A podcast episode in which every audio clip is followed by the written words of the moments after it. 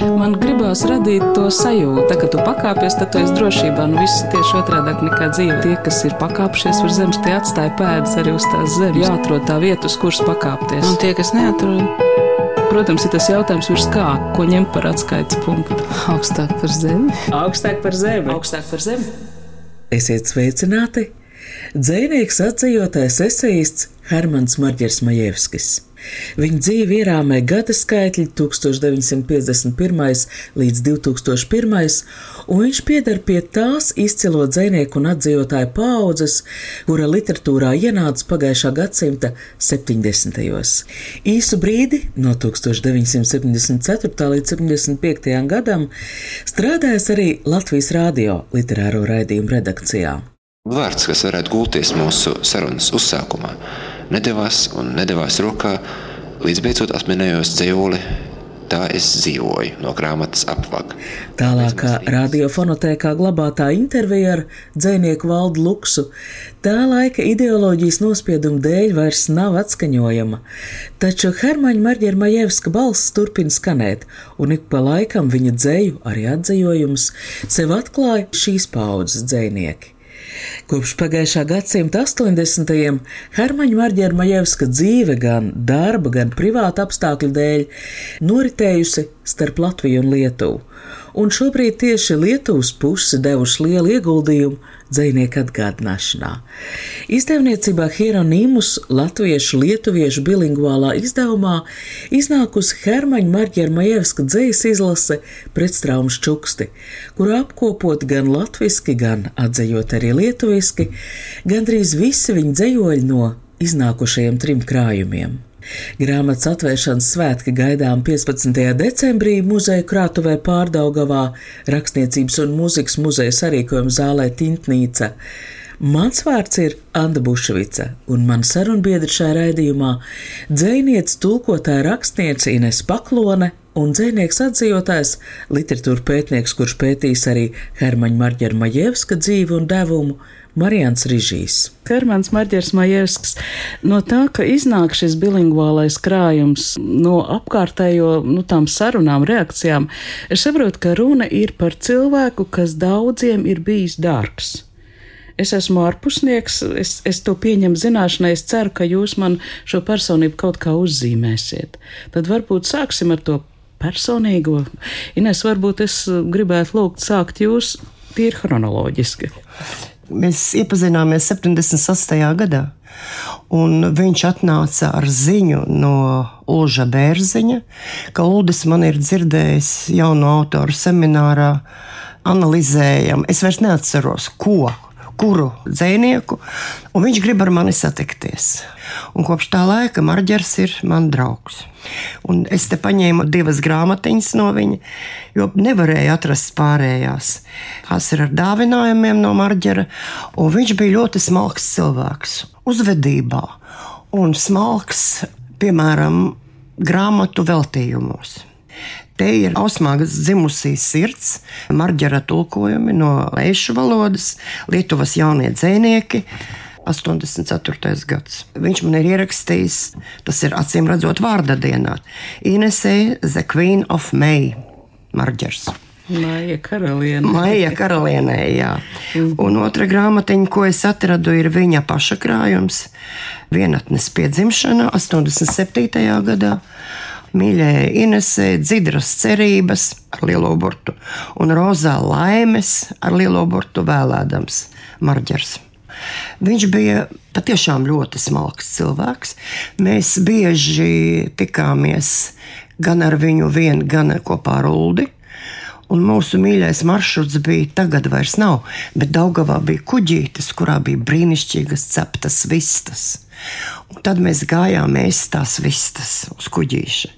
Bet, kad mēs iepazināmies tuvāk, tad pēkšņi atklājās, ka marģera smalkums ir tikai drusciņi. Un tad viņš, piemēram, kļuva ļoti ironisks, bet tā ironija arī bija viņa slēpšanās no cilvēkiem. Piemēram, kad uznāca vasarā mode, tādi krekliņi uz lencītēm tikai pliki Tad viņš mani apcēla ļoti smagi par to krekliņu. Ar lielu ironiju, ko es tagad iedomājos. Es teicu, Marģer, apskaties, kāda temperatūra ārā. Tā kā es faktiski viņu pazīstu no divām pusēm. No šīs smalkās, rozā cerībām un visu pārējo. Un no tā, kas nav ierakstīta grāmatiņās, un kas nav ierakstīta viņa dzējā. Jo viņa dzēja ir ļoti skaista. Bet to laikam Māris labāk var pastāstīt. Mērķis tev pavisam cita desmit gadu prātā. Jā, man sākās patiesībā neklātienē ar šo otro maģiska grāmatiņu, vienatnes piedzimšana, kurā es teiktu tā, ka es neuztvēru varbūt savos ļoti agros gados jēgu, bet es uztvēru melodiku, melodiju. Tā bija kaut kas suģistējošs. Un tad, kad es jau pats iegāju tā teikt, dzīslis tajā apritē. 90. gadu vidū pie Rakstnieku savienības Vērmans dārzā pēc dzīslas dienu pasākums krēsla. Un tur vienkārši bija sapulcējušies, man liekas, gan Pēteris, gan vēl, gan vēl. Un tur sēdēja tāds ļoti kalns cilvēks, un uh, bija ļoti tāds, tāds kā noguris, ne tādā ziņā uh, noguris, bet viņš teica, ka viņš neko ne, nevēloties un kaut kā tā. Un, uh, nu, tā es, es tā mēģinu atcerēties, kā tas bija. Tad uh, es nesaprotu, kāpēc es viņu uzrunāju poliski. viņš man poliski atbildēja. Un tas bija Marģeris. Tā tas sākās, tā mūsu pazīšanās, un patiesībā viņa draudzība, tāda kolēģialitāte man šajos gados bija ļoti nozīmīga dāvana. Un patiesībā viņš bija viens no tiem, kas manus pūļu atzīves mēģinājumus arī vērtēja. Ļoti smalki ievadīja tajā poļu dzīslas kultūrā, jo es vēl biju zaļš pavisam. Izskaidrojiet man kādu mistēriju. Hermans Marģers Majevskis, jūs viņu saucat par Marģeru, īstā vārdā viņš bija Kukainis. Marģers Kukainis. Es domāju, ka uh, viņam, ja es precīzi atceros, arī rados bija kāds Majevskis. Viņš izvēlējās šo savu pseidonīmu kā, nu, kā tādu identitātes zīmi, kā, jo viņš patiesībā man šķiet ir izveidojis. Jā, es atceros, kā viņš meklēja to vārdu, un viņš teica, tu saproti, kāds zēnieks, kukainis, kāds zēnieks. Un viņš meklēja, un tad viņš atrada Mievski. Jā. Kā jau savā raidījumā Toms Strēbergs un Svens Kusmins, ka viņš ir izgudrojis par jaunu dzēju, un viņš arī sevi ir zināmā mērā izveidojis. Būtībā to, kas viņā bija, to viņš ir izveidojis, izstrādājis un arī to savu šo pozīciju, šo estētisko un ētisko pozīciju ir, ir izveidojis. Viņa ir pilnīgi atšķirīga no citiem latviešu dziniekiem. Šo... Jā, un tas bija apzināti. Tev taisnība. Ļoti apzināti viņš gāja uz to, ka viņš atšķirsies no pārējiem, un viņš atšķiras. Un, turklāt viņš var teikt, no daudziem citiem talantīgiem, tobrīd iesācējiem, viņš ir. Nu, jā, viņš deva savu dzīvi, var teikt, arī dzīvību dzējai un tam dziļumam, ko viņš sasniedz. Ir dzīvoja, kur viņš ir atzinies, ka viņš ir rakstījis līdz pat sirds tuvu, tuvu infarktā stāvoklim, jau nonācis, lai, lai tas dzīvos notiktu ilgi, mokoši, bet lai tas skanētu kā mūzika. Tas ir mammai, mātei veltīts dzīslis. Patiesībā no māte Marģerim bija ļoti, ļoti, ļoti svarīga. Viņam bija tāds komplekss, ka viņu radinieki nesaprot. Viņš arī viņš domājis, ka arī māte viņu nesaprot kā dzinieku. Viņš man teica, jā, ka viņš pēc mātes nāves atradis viņas mājās savu dzīslu krājumu, un pēkšņi ieraudzījis, ka viņai ir lasījusi, ka viņa ir pasvītrojusi soļi dārzā, kur uzzied vilkābele novakarā rēnā, un putnu klaigas aizsteidz mākoņu velvēs, jau mūsu vēstījumi klaiņo vīstošajās ēnās, kad ledus augsta blīva priekšā nostājusies pirms acu gaismas pelni aizmugurē klāsies, un dēlnu zīmējumi tālāk aizpeldēs, nāks mana māte piekļauties pie pēcpusdienas lāsēm, kad ledus augsta blīva priekšā nostājusies. Plūst gaismas arka, maigas atbalsts krāsā, sūb atmiņu baltie oļi krēslainajās taciņās, kūp vilkābeles ziedi agrāk nesaprastie. Pirms viņpus blīvai asie dzelkšņi sārsta līdz sasilst bijumi zem sirmās virsaunītes, un soļu čuksti sauli paveļ nost, vēl vilkābele tobrīd iespēja spītēt, spēj neredzamos spānus dzirdēt, pagaistot. 1987. vasara Rīgā ar mammu viesturdārsā. Sajūta, ka no savas paudzes viņš palicis līdz galam nenovērtēts, gluži nepamatot nav. Dzīves laikā vienmēr uzteikts, un tomēr līdz pat mūsdienām negluži līdzās savu laiku lielajiem meistariem, Knutam Skujniekam, Jānim Brokpelnim, Leonam Briedim, dzīves laikā šī nepietiekamības sajūta varētu būt kā iekšēji uguns.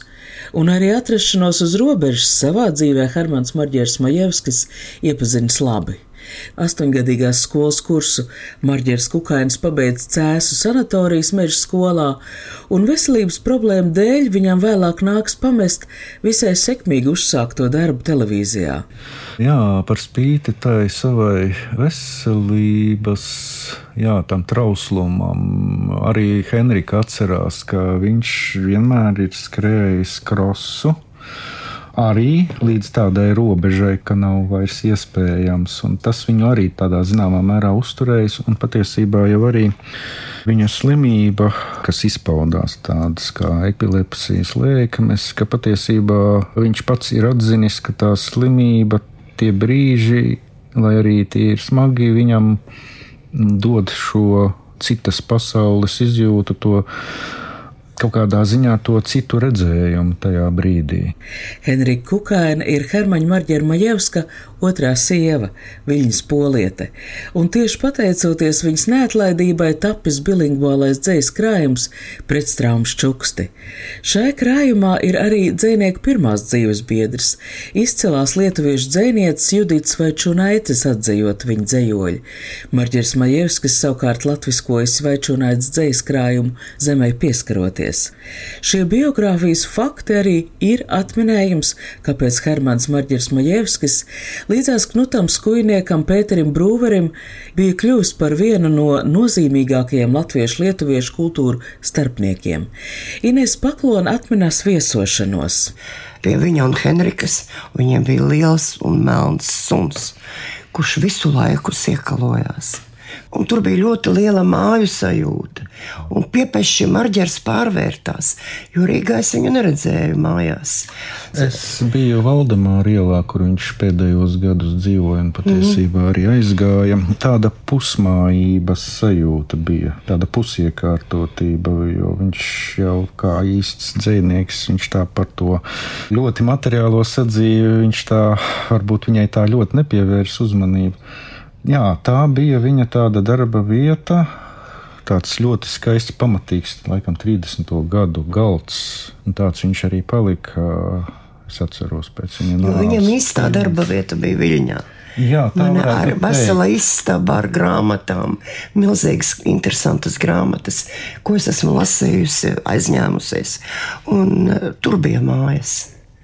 Tev taisnība, te bija darba vieta. Jā, tā var teikt. Henrika Kukaina, es saprotu, ir arī šīs um, gaidāmās grāmatas pretstraumas čukst izdevuma iniciatori. Kāds ir tas stāsts? Henrika gan cilvēciski marģeri ļoti tur piemiņā, un viņa ļoti, ļoti arī rūpējas par to, lai marģeris netiktu aizmirsts kā dzēnieks.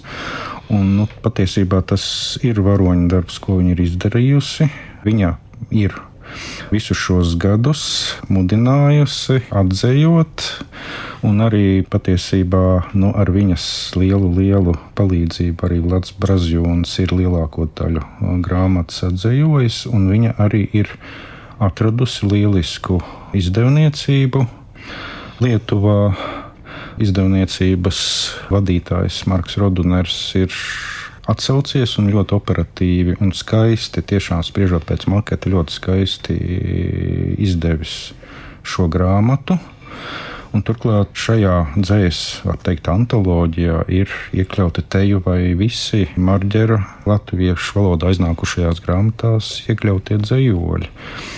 Tas ir ļoti skaists eh, bilingvāls izdevums. Un Margars tāds no tāla man ir liķis, ka спел к Степеско-романтиска Дзейнека портрет. Dzēnieks Vlads Brazjons, Latvijas literatūras gada balvas par mūža ieguldījumu atzējā, kā arī Baltijas asamblējas balvas laureāts, atzējotājs Hermaņa Marģera Majevska krājumā pretstraums čuksti. Atzējotāju vidū ir arī Judita Vaičunaita, Vaidots Daunis, Almis Gribauskis, Antans Jonīns, lietuviešu dzēnieku pulciņš, kur acīm redzot vieno spēju un interesi atzējot latviešu dzēju. Vlads Brasjons atcerās, kā ar Hermanu Marģeru Majevsku personīgi saticies pirmo reizi. Pirmo reizi mēs uz Juditu Vaičūnaiti satikāmies varbūt 1986. 7. gadā. Tas bija, kad jaunie latviešu dzējnieki 86. gadā bija atbraukuši Lietuvā mācīties lietuviešu valodās. Pēc gada mēs braucam Rīgā mācīties latviešu valodās. Vai tas liecina, ka 80. gados Latvijas un Lietuvas dzīsnieku kultūras apmaiņa veidot visai mērķiecīgi? Un vai Hermans Marģers Majevskis bija daļa no tā visa, vaicāja Vladam Brezjūnam? Jā, viņš, kas tādi saka, arī bija, tā bija. Viņš katrus gadus ir strādājis Brīvā Eiropa, ne tikai no, no Latvijas, bet, bet arī no Lietuvas. Almis Gribauskas bija draudzībā, tuvākā draudzībā. Almis Gribauskas, Henrika, profesors Kestutis Nastopka. Mēs Tad runājam ne tikai kā nu, varētu izdot dzēju, bet viņa, nu, tas stāstījumi, reportāži, tas būtu ļoti interesanti kā historisks kaut uh, fakts. Vai krājumam pretstraumas čuksti atvēršanas svētki būs arī Viļņā? Būšot 14. decembrī, un tas notikšot jaunatvērtajā. Atvērts tāds Viļņas literātu nams. Mm -hmm. Viens no pirmajiem pasākumiem. Hermaņa Marģera Majevska dzējas izdevuma atvēršanas svētki Rīgā gaidām 15. decembrī, un Vlads Brasjons solīs uz tiem ierasties un lasīt dzēju lietuviski. Vokai glotnių baltakmenėlių sublizguoja ir susilyti alksniai pirštais permerktais lietaus, paparčiai dar kas mirksni šnipždasi drėgnai, kol sutema dar nesukrinta pasrovin dienos Jau oļu baltie plaksti atvizmo un aizlījušiem pirkstiem augšņi pieskaras. Ik brīdi papards vēl mikli čukst, pirms krēsla sakrīt, dienas lejuptecē. Te kalmi zobeni pie pašām durvīm šalts, pie sliekšņa klusumā un, novēlojas nošvīkst, vēl aizsaspriedz stars, tam gala nav šo pļauju biklumam un sakņu lūgumvārdiem, cik tālu sen par visām reizēm reiz līdz savu padabešu stumbram stigu izcirst un pleciem baltu ausmu aiznest līdz tā nenoplaks, tā nenoslēps un nesargs, un saklausīsim, kāds gar krastu nāk, kāds vēju atvases no jauna pašķir, kāds meklē mūsu un pēdās dvaša, birst, un augšā straume ierunājas skaļāk. 1976. gada dzējols. Ir širdis, ir širdies, jau užkulnius nupuola, ir srautas, kylantis garsiau prabyla. Nu, šī stāstā es saklausu par kādu ļoti rosīgu dzēnieku atzējotāju vidi tajos 80. gados. Tāda bija. Jā. Jā, bez šīs vidas arī jāatzīst, Majevskis nebūtu tāds, kāds viņš bija. Un viņš piederēja pie tās, teiksim, nu jau izskaņas, paudzes izskaņas, kuri neapmierinājās ar Latvijas augstskolām. Viņš e, studēja, ja es precīzi atceros, Maskavas teātris institūtā. Un patiesībā tā visa viņa prasme strādāt radio, un vēlāk viņš arī Viņā bija brīvās Eiropas kultūras apskatu runātājs, rakstītājs. Un patiesībā es viņu pirmo reizi sākotnēji iepazinu tieši no šiem fascinējošiem apskatiem. Tas ir jā, jo viņš arī prata, visa viņa stāja bija tāda, ka viņš prata pasniegt to, ko viņš ir zinājis, uzrakstījis, viņš arī ļoti fascinējoši lasīja savu dzēju. Tur nu, tā viņa dzējas eifonija, tā, nu, tā melodika ir konģeniāla. Es ļoti ceru, ka varbūt kaut kur ir saglabājušies kādi viņa balss ieraksti. Nu, radiofonotēkā diemžēl nav. Tad faktiski ir skaļi jāuzdod šis jautājums, kam ir kāds ieraksts. Par radio brīvā Eiropā sarunā Vlad Brazjūnu šorīt mēs sarunājāmies. Viņš teica, ka ir arī ideja, ka varētu šos, um, nu, kā vēstures liecību šīs reportāžu stāstus, ko viņš um, Radio Brīvā Eiropa ir stāstījis, apkopot kaut kādā vai krājumā vai kādā citā izdevumā. Kas bija viņa tēmas, ja tu saki, ka tu atceries? Es, cik es atceros, un patiesībā arī eh, Rakstniecības un mūzikas muzejā, kurā es strādāju un kurā notiks grāmatas atvēršanas svētki, glabājas viņa raidījumu malnraksti. Šie eh, pieraksti ir ļoti gan par Lietuvas teātra festivāliem, gan par mūzikas notikumiem. Un to viņš spēja uzrakstīt tādā eseistiskā smalkumā, vienlaikus precīzi iezīmējot notikumu un vienlaikus dodot šo lielo kopsakarību. Un tur ieraksti arī ir muzejā. Ir tikai pieraksti. Nav. Tikai pieraksti, diemžēl. Varbūt Nacionālā bibliotēkā ir šie arhīvi, kur ir brīvās Eiropas ieraksti. Latvijas radiofonotēkā ierakstu, kuros viņš būtu lasījis dzēju, nav. Taču raidījuma ievadvārdos Hermaņa Marģera Majevska balss skan arī šajā par Aleksandru Bloku. Laika gaitā pakāpeniski ir nobriedusi dzinieka ciešākā pārliecība. Nesaistīt jēdzienu lirika tikai ar dzeju, ar mākslinieka personības izpausmu, bet gan uzskatīt to par sava veida pasaules redzējumu, rast pašā inspirācijā un dzīvoļu tapšanas likumsakarībās konkrētu attieksmi pret dzīvi un pasauli. Kā tad veidojusies Aleksandra Bloka dzēja? Pa kādiem ceļiem ir virzījusies viņa tiecība uz mērķi, uz jaunu gaismu? Viņš jaunībā ir atzījis Krievu dzēju, bet pēc tam viņš ir diezgan konsekventi atteicies to darīt. Par labu lietuviešu viņš bija viens no tiem panbaltistiem, kurš turēja šo pusi. Un viņš diezgan tā par kādu izdevniecību lietuviešu, kur viņš teica, ka nu, ko, nu, viņi visu laiku tos krievus izdod. Viņš kaut kā tā drusku jūta to šobrīd aktuālo to koloniālo to pieskaņu, kas gribot, negribot, ir nākusi līdz Krievu kultūrai. Bet viņš tā audzēja to savu personību un savus robežas, kurās ir tieši šī kultūras vide, un kurā viņš distancējās no tās otras kultūras vides. Trīs dzīslu krājumi, es skatos pa vienam katrā desmitgadē. Es teiktu tā, ka pirmais krājums ir pieteikums, un patiesībā jau tik mm, nu, spēcīgs un saudabīgs, ka jau ir paliekoša vērtība latviešu dzējā, bet tur marķeris vēl nav visā pilnībā atvēries.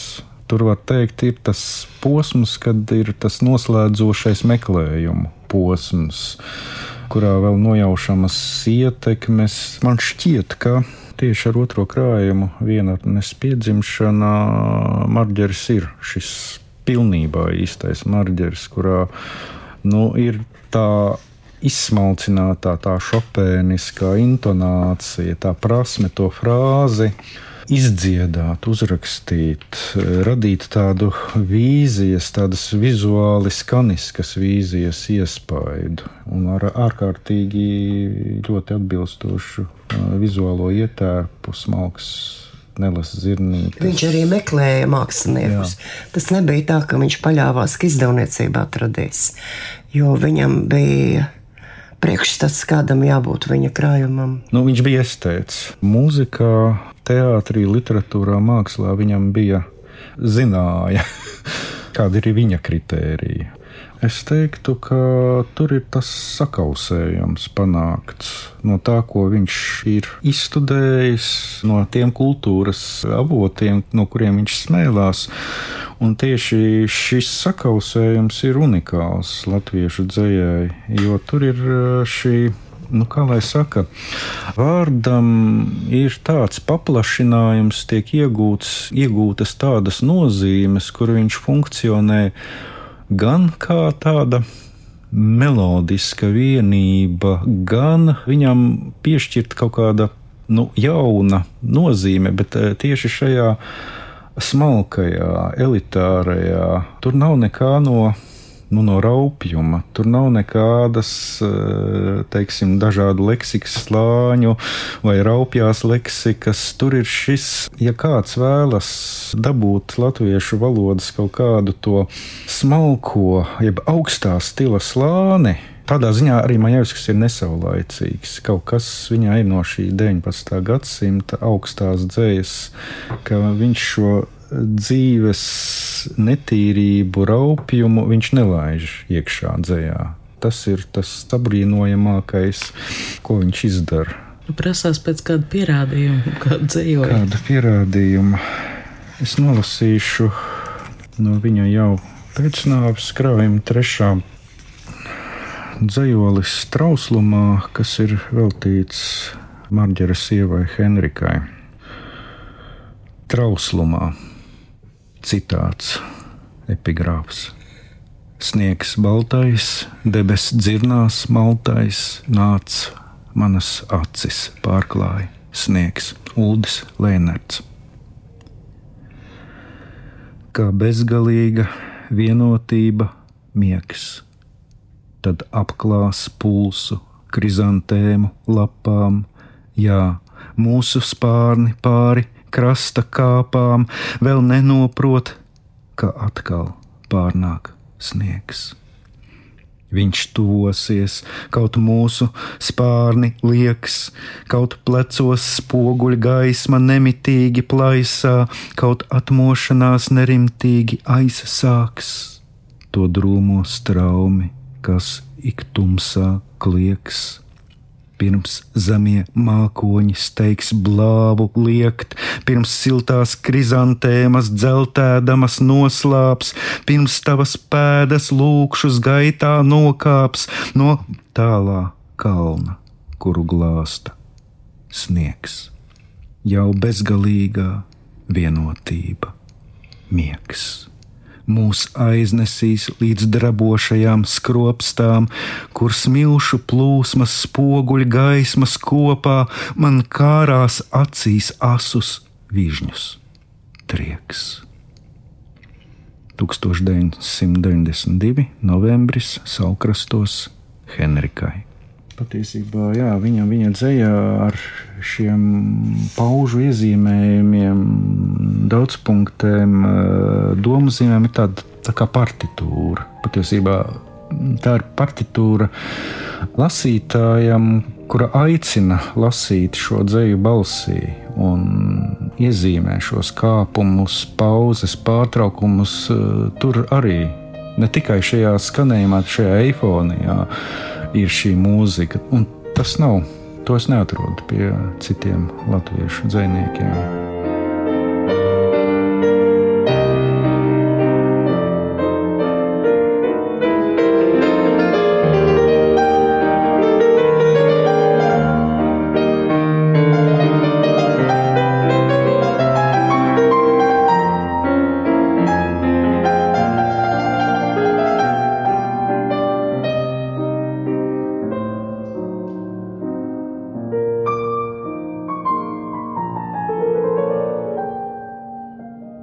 Ar Hermaņu Marģeru Maļevsku laika biedriem Ines Paklonu un Marijānu Rīžiju sarunājās Anda Buševica, šī raidījuma skaņoperators Valdes Raitums.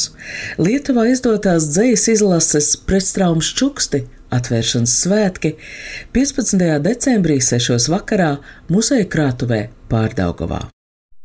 Tā kā tu pakāpies, tad tu esi drošībā. Nu, viss ir tieši otrādi nekā dzīve. Tas ir tā spēle, jā. Tie, kas ir pakāpšies uz zemes, tie atstāja pēdas arī uz tās zemes. Protams, ir tas jautājums, ko ņemt par atskaites punktu. Nē, nu, principā ir skaidrs, augstāk par zemi. Jāatrod tā vieta, uz kuras pakāpties. Augstāk par zemi. Augstāk par zemi. Augstāk par zemi.